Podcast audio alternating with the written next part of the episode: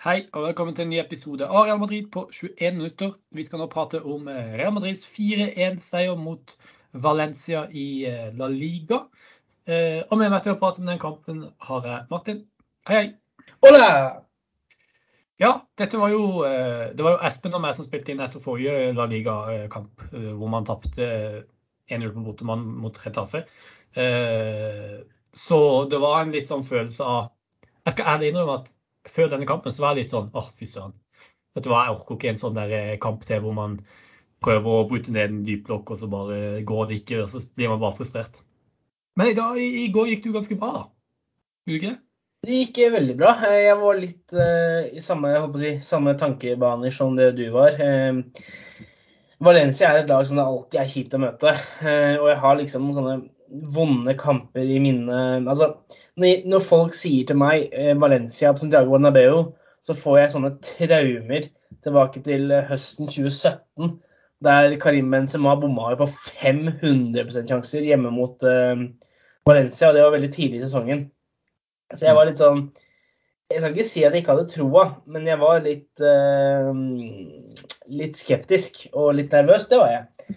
Men det gikk veien. Real Madrid hadde vel altså første 20 var Valencia veldig gode. Eh, og så får Madrid det jeg vil påstå å være et, eh, et heldig straffespark eh, rett før pause. Og derifra så kom man liksom litt inn i rytmen.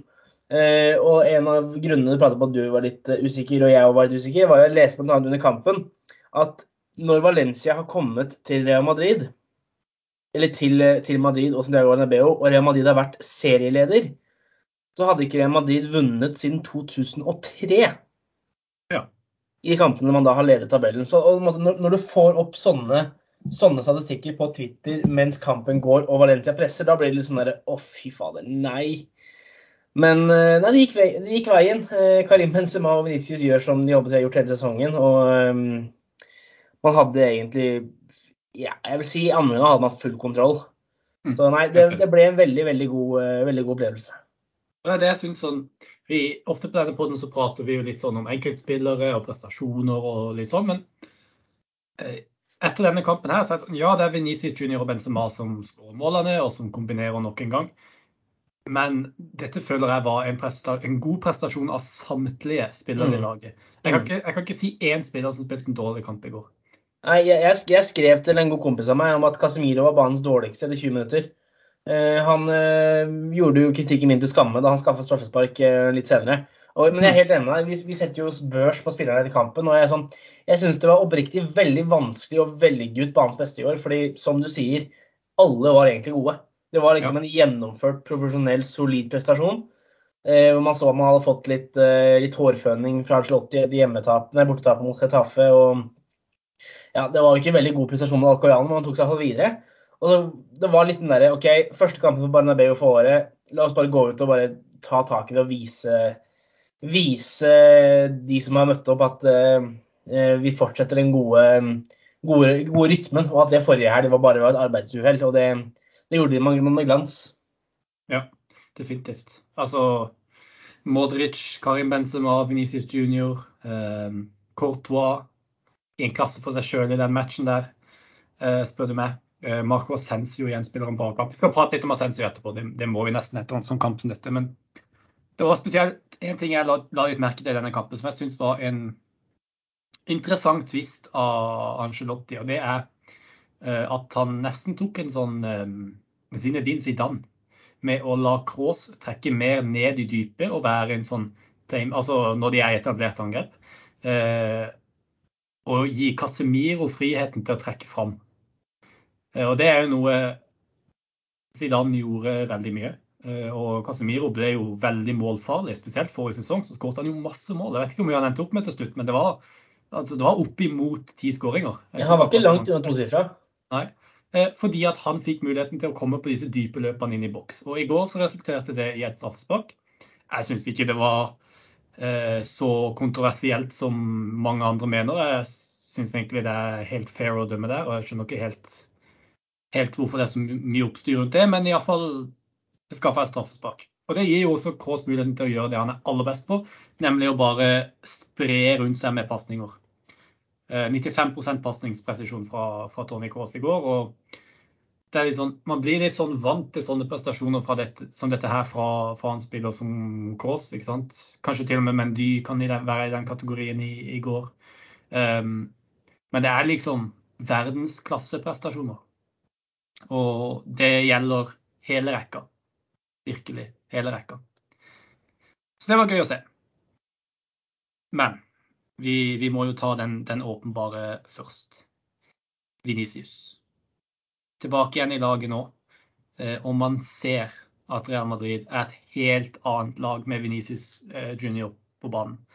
Eh, og det handler ikke bare om at han skårer to mål, det handler om at han faktisk er den spilleren som på en måte tar med seg ball fremover.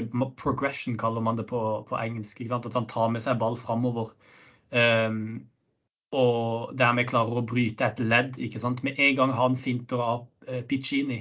Og Det er ikke så mye som skal til. ikke sant? Det er bare det at han um, slipper skuldra bitte grann ned, og så er han forbi han. Og det at han klarer å komme seg forbi f.eks. For Piccini, gjør jo at det blir ubalanse i det Valencia-forsvaret. Og uh, det er rett og slett noe Eden Hazard ikke lenger gjør. Uh, og Derfor så ser du hvor viktig Venicius er til å bryte ned sånne lag som dette her. Og den første skåringa er klasseeksempel også på eh, hva han kan gjøre nå med ball i beina og i farlige posisjoner. Eh, hvor han egentlig tråkler seg gjennom hele Valencia-forsvaret og til slutt bare havner på blank kasse. Det er det Real Madrid har mangla de siste kampene. Derfor må man for guds skyld eh, gjøre hva som helst for å holde Venicius skadefri eh, og frisk inn mot de viktige kampene i vår. Hva syns du om eh, altså, Kunne du se det samme, at Real Madrid er et helt annet lag med, med Vinicius på banen? Ja, åpenbart. Eh, altså, det, du sier, altså, alt du sier er veldig riktig. Altså, med Vinicius så har man litt den der naive tryggheten med at ja, bare spiller ballen til han, og så bare fikser han det. Mm. Eh, noe som er ganske sykt med en spiller som eh, er tidlig i 20-årene. Men eh, nei, jeg, jeg, er helt enig. Han, han skaper og altså, han er det, det der uromomentet for motstanderen som gjør at motstanderen må liksom passe ekstra mye på Venitius, som igjen skaper rom for andre. Uh, så Det er liksom veldig veldig undervurdert. og Hadde prestasjonen til Venitius kommet, eller som i går, kommet i uh, la oss si april 2021, så hadde det vært ekstase over det nivået han leverte. Men nå har vi liksom blitt vant til det, så nå begynner i hvert fall undertegnede å ta det litt for gitt. Så det er liksom viktig at vi faktisk uh, ser på tallene og tar ett steg tilbake og liksom hva er det vi egentlig er vitne til. Og det han leverer si nå om dagen og egentlig har levert hele sesongen, det er, eh, det er helt vanvittig. Så eh, vi har sagt det før og sier det igjen, det her er ikke form, det her er tydeligvis et, et gigantisk steg i utviklingen hans. Mm. Tolv ligaskåringer nå på, på Venicius. Eh, ja, han kommer til å bli helt avgjørende for Real Madrid denne sesongen. Og jeg syns det er veldig tydelig eh, å se at Ancelotti har bygd dette laget rundt Venezis Junior. Eh, og jeg tror at noe av det har å gjøre med at det har noe å gjøre med Benzema sin på en måte eh, fleksibilitet. Han er en spiller som kan gjøre veldig mye i angrep. Eh, veldig mye forskjellig. Så det å bygge et lag rundt Benzema er liksom ikke nødvendig for at han kan tilpasse seg. Eh, og nå har han tilpassa seg en spillestil som dreier seg om å få ballen ut til Venicius og skape overtall på venstresida. Gi han muligheten til å skjære inn, kombinere med Benzema. ikke sant? Eh, og rett og slett overbefolke den venstresida. Eh, og man kan ikke si noe annet enn at det fungerer kjempebra. Eh, og du ser hvor mye Real Madrid sitter når de da, i de kampene hvor Venicius ikke er på banen. Så får vi bare se om han klarer å holde det oppe. Han er jo han er nok det første, han og Benzema er nok det første navnet på, på um, på tavla når de skal velge ut startelveren. Og den posisjonen det kanskje har vært mest spørsmålstegn knytta til hele denne sesongen, kanskje til og med for å være helt ærlig, den eneste posisjonen det har vært stilt spørsmålstegn til denne sesongen, det er høyrekanten. Eh, vi har vært mye inne på det, vi har prata masse om det. Vi har gitt eh, Rodrigo skryt denne sesongen, vi har vært kritiske til Rodrigo denne sesongen. Vi har gitt Asensio antageligvis mindre skryt enn vi har gitt Rodrigo. Vi har jo begge vært enige om at Rodrigo egentlig har vært best så langt denne sesongen. Men den kampen fra Sensu i går Han får ikke med seg mål, han får ikke med seg målgivende. Eh, han får sånn halvveis med seg en målgivende, for han hadde jo det skuddet som, som ble redda. Eh, som Venezia satte inn returen på. Og det hadde jo gått inn hvis ikke Venezia hadde ja. satt panna på den. Så kall det en halvveis assist der, da. Mm. Um, Men jeg mener at faktisk, faktisk det at Marco Ascencio spiller en kamp på høyde med de to andre i angrep der i går. Jeg, jeg, er helt enig. Jeg syns han gjør sin beste kamp for sesongen. Uh, vel beste vi har sett han på mange, mange år. Ja, vel vitende om at uh, han skåra hat trick i september mot Mallorca. Jeg så, husker ikke hvem det var, men det var en eller annen på Twitter som skrev det her er det beste vi har sett fra Marco Ascencio siden den kampen i USA. Og med den kampen i USA mm. så hinter man mot uh, kampen mot Arsenal, hvor han tok uh, korsbåndet. Ja. Og jeg husker enda hvor ekstremt begeistra jeg var for Ascencio i den kampen. Altså, det, det, det var helt absurd. Altså, han virka som en helt annen spiller i forhold til den han hadde sett eh, avslutte 20, det blir jo da 2018-19-sesongen. Altså, det var helt absurd.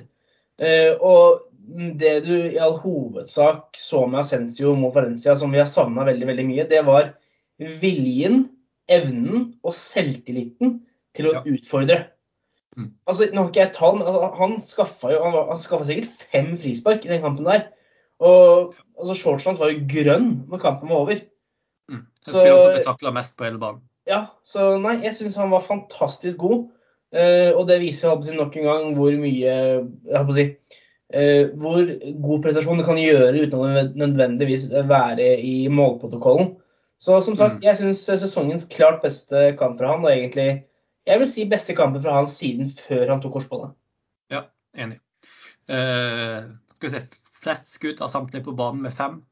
95% pasningstreffsikkerhet. Og helt i begynnelsen av kampen så hadde han også en sånn Uh, han hadde en situasjon hvor han var helt nede ved cornerflagget nesten og sklitakla den ballen ut fra mm. det, var, det, var, sikkert uh, Gaia eller noe sånt. Um, og det synes jeg liksom, For det er noe, en grunn til at vi ofte har foretrukket Rodrigo, er fordi at han jobber mer defensivt. Og Det er noe Real Madrid trenger når de spiller 4-3-3. Men i går gjorde Ascencio det også. Uh, og det er tydelig at han begynner å få seg litt selvtillit, og kanskje til og med klarer å spille litt på sine styrker, da. ikke sant? For han var jo han var mye mer aggressiv i bakrom, f.eks. Eh, tørte å utfordre mer enn det han har pleid å gjøre tidligere. Eh, og da blir Ascencio en helt annen spiller enn den veldig sånn tilbaketrukne eh, vi har sett de siste sesongene. Hvor, mm. Og det eneste han egentlig gjør, er å spille ballen tilbake og til sida istedenfor framover.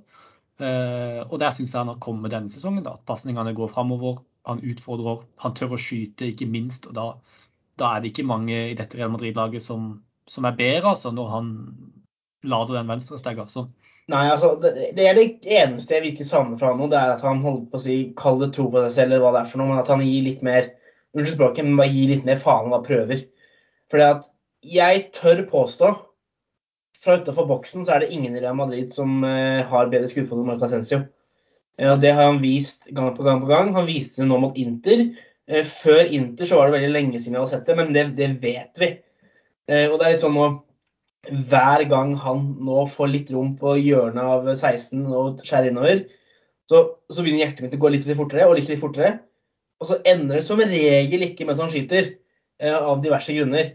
Men det er måte, det eneste jeg håper nå. Og jeg har satt her nå mot kampen mot Valencia og, og sa holdt på å si høyt diverse banneord når spillere som Casemiro eh, prøvde lykken fra 25 meter. Eh, er det én som skal få lov til å gjøre det gjentatte ganger uten nødvendigvis hell og lykke, så er det Marco Tensio, for det vet vi at uh, uh, sannsynligheten for at den ender i nettet, er høyere enn noen annen spiller i Madrid så lenge det er utenfor 16. Mm, definitivt. Syv mål så langt denne sesongen. Uh, kommer nok mest sannsynlig til å havne over ti. og hadde du sagt til meg før den sesongen at Asensio kom til å uh, skåre tosifra mål denne sesongen, så hadde jeg sagt du er gal og hadde ikke trodd på det. Eh, så det sier jo litt om at han faktisk har tatt noen steg, da. I, Iallfall de siste faktisk bare de siste par ukene. Eh, og det er gøy å se. Eh, selv om jeg mener at hvis det er Champions League semifinale, at Rodrigo kanskje får seg til et bedre alternativ på høyre kant, så er det ingen tvil om at Angelotti per dags dato foretrekker Marco Ascencio på høyrekanten. Og han er en smart mann, så han stoler vi på. Eh, ja. Det var én spiller til jeg ville prate om. Når vi var inne på spillere som eh, imponerte oss, som kanskje ikke vi helt hadde sett for oss at kom til å gjøre det. Uh, og det var Dani Ceballos, som kom inn i går. fikk vel tja, hva var det, 20 minutter eller noe sånt. Og etter min mening gjorde et fantastisk bra innhopp. Og jeg digger Federico Valverde. Jeg har nettopp kjøpt en drakt med Federico Valverde på ryggen, så ikke misforstå meg rett. Jeg mener at den, det innhoppet Ceballos gjorde i går, har vært bedre enn det Valverde har levert store deler av denne sesongen. Er det jeg gal som sier det? Nei, på ingen måte. Eh, Sebajos imponerte meg veldig. Og det brakte meg tilbake til litt sånn en tanke jeg satt med sommeren 2020. Eh, da det var veldig mye snakk om Martin Ødegaard han skulle tilbake, så skrev jeg det var både en artikkel og en tråd på Twitter om at jeg personlig ville foretrukket Daniel Ceballos. Og jeg føler liksom at den kampen Valencia viser litt sånn hvorfor. altså Én ting er at han er mye mer naturlig indreløper enn det Ødegaard var der og da. Jeg skal ikke sammenligne Ødegaard så mye mer nå. men Ceballos mot Valencia han kommer inn og gjør, liksom, han gjør en perfekt figur hva gjelder liksom, hans evner og hva hans arbeidsoppgaver er. Og det er å holde ballen i laget, bidra med trygge pasninger, eh, bidra med ro og egentlig drepe tempoet litt. Og ikke, ikke lage en sånn Hawaii-kamp som det Valencia vil ha. Fordi når han kommer inn på stillinga 3-1, så er Valencia veldig gira på å kaste alt i angrep og få det til å bli fram og tilbake, fram og tilbake, kaos og usikkerhet. Men eh, Ceballos er en av mange som bidrar med å roe det hele ned. Og han, mm. til å egentlig være forholdsvis ung og har vært skada veldig lenge, så bidrar han med det som ser ut som å være en enorm liksom, erfaring. Og han ser, han ser, så rutinert ut når han gjør det. Så nei, jeg er helt enig, og det ga meg litt sånn Altså, Jeg har ikke tenkt at Ceballos fortsatt er Real Madrid-spiller, og egentlig tatt det veldig for gitt at han kommer til å bli lånt ut til Betis denne vinteren her. Men med det han har vist nå, Eh, så får jeg litt sånn, jeg får litt håp om at kanskje er det Carlo Ancelotti som er treneren som skal liksom få Ceballos eh, liksom litt sånn, få ut potensialet hans da, i Real Madrid innenfor visse rammer. Under under Zidane så ble han jo knapt nok tatt med i troppen til mange kamper. Og det syns jeg da var veldig merkelig. Så, og ja. de har slitt fælt med å ha nok indreløpere denne sesongen. her, og altså Modic er vi har sagt for gammel. Kroos er heller ikke noe veldig ung. Eh, Valverde har til tider slitt litt med skader, han nå, og Kamavinga er veldig ung. Så hvorfor skal ikke Ceballos få lov til å bli værende en, halv, en halvsesong til og måtte bruke dem på å liksom, gi det et siste forsøk? Det tenker jeg, da. Ja, og eh, Jeg er enig, jeg syns det var litt rart måten han ble behandla på tidligere. Jeg syns egentlig aldri han har vært en dårlig spiller. og eh, selv om det ikke er noe snakk om at han skal starte storkamper, eller noe sånt der, så syns jeg han har lagt inn en god søknad om sjansen i fall, til å bevise at han er på en måte en nyttig rotasjonsspiller.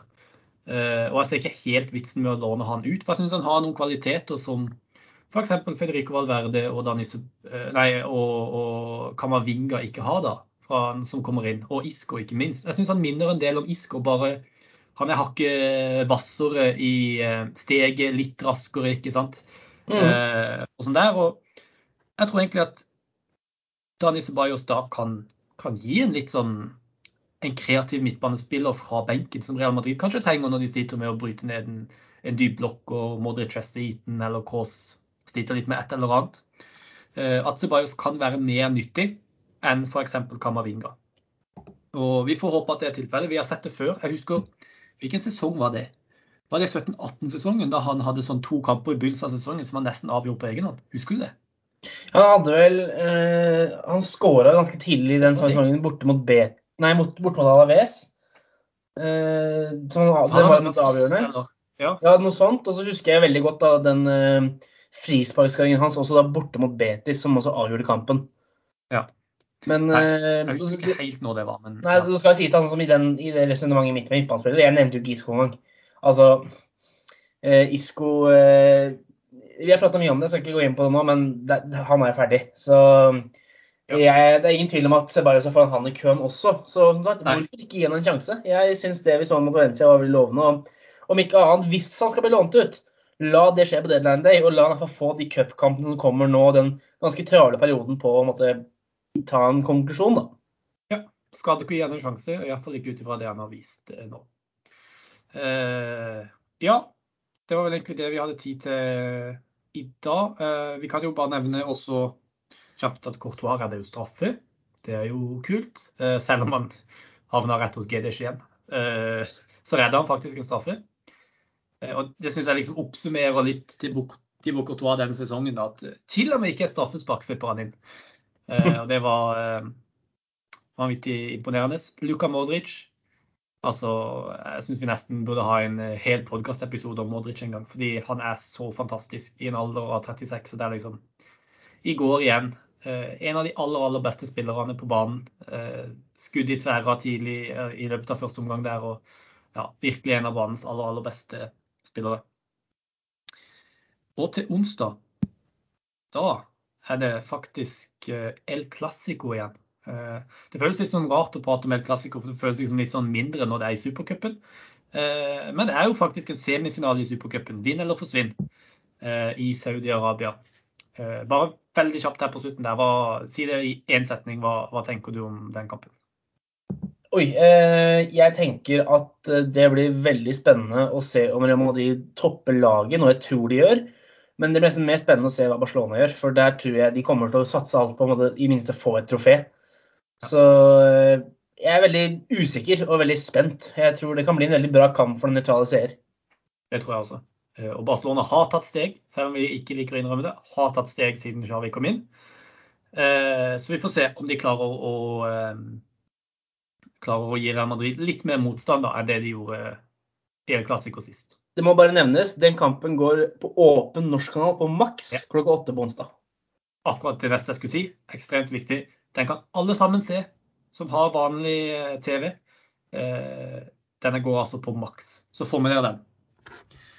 Ja, takk for at du var med i dag, Martin. Det var nok en gang en sann glede. Takk til alle dere som hørte på. Og til neste gang, à la Madrid.